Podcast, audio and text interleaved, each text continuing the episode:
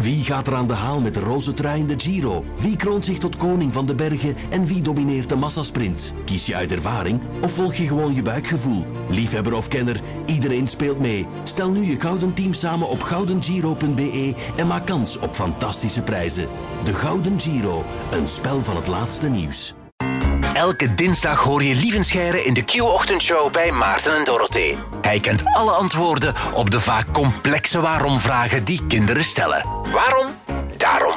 Kinderen stellen in een bepaalde fase van hun leven 100 waarom-vragen op een dag. Ik heb thuis ook zo'n exemplaar rondlopen. Leon van Quali, vier jaar. En daarom roepen wij elke dinsdag de hulp in van de man die alle antwoorden in zich draagt. Ja, gisteren trouwens nog door ons eh, in de bloemetjes gezet voor zijn 40ste verjaardag. Eh, We vonden dat dat een eh, nieuwe voordeur Ja. verdiende. Filmpje kan je nu checken op onze Facebook. Lieve Scheire, goedemorgen. Een goedemorgen. Hallo. Je bent 40 geworden gisteren. Zwijgt. Ja, maar echt, nu, nu ben je niet meer gewoon 40, maar nu ben je 40 jaar en één dag. Dus eigenlijk en 40er en het is eigenlijk banaal opnieuw. Ja, voilà. Maar ja, 40 en banaal, dat hoort een beetje samen. Hè. Dus eh, ik heb nu heel veel debardeurs gekocht. En mijn haar gaat Maar ik op vind een het mooi, het staat zijmeet. u. Dus ik vind het een mooie debardeur.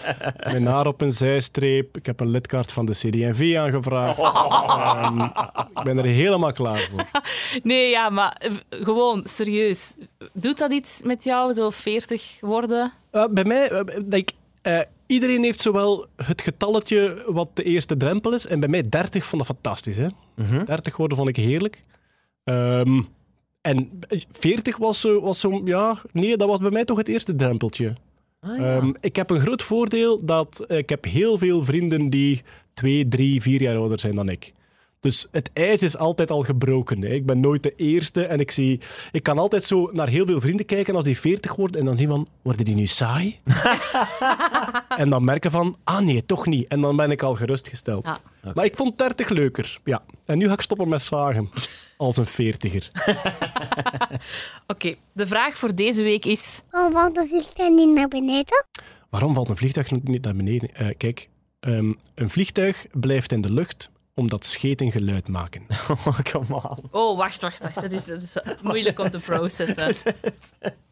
Ja, vliegtuig blijft in de lucht omdat scheten geluid maken. Houden we het dan op dat antwoord of gaan we er nog een beetje dieper op in? Misschien, best. Er valt iets meer over te vertellen, ja.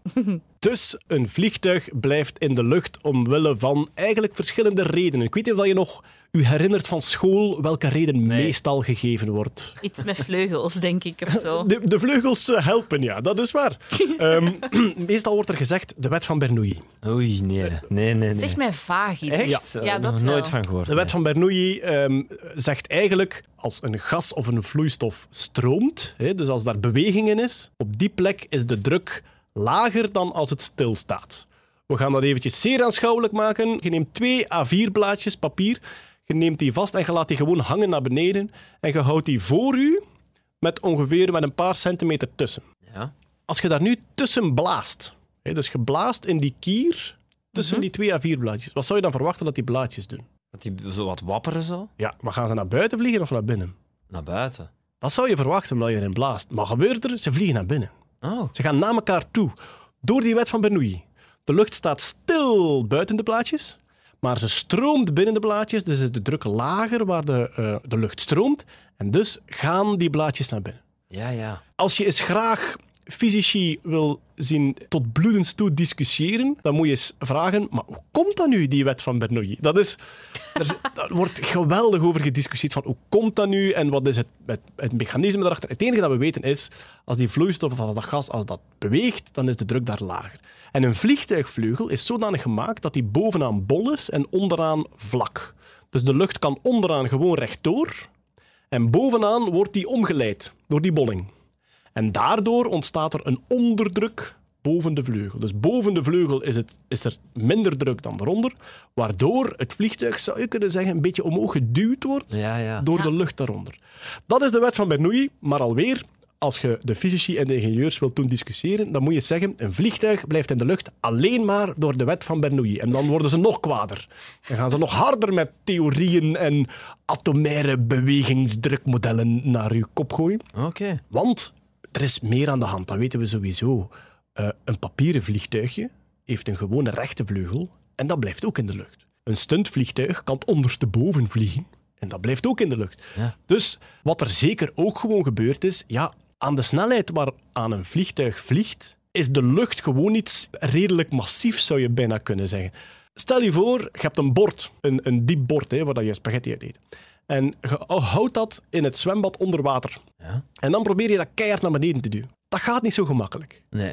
Natuurlijk, dat, dat gaat wel, hè, dat, dat, dat gaat wel naar beneden, maar dat water zit in de weg en dat moet uit de weg. Nu, aan de snelheid van een vliegtuig, gewoon het feit dat je die vleugels hebt, die lucht daaronder, die gedraagt zich ook zo'n beetje zo. Dat vliegtuig drijft op de lucht. Ja, ja.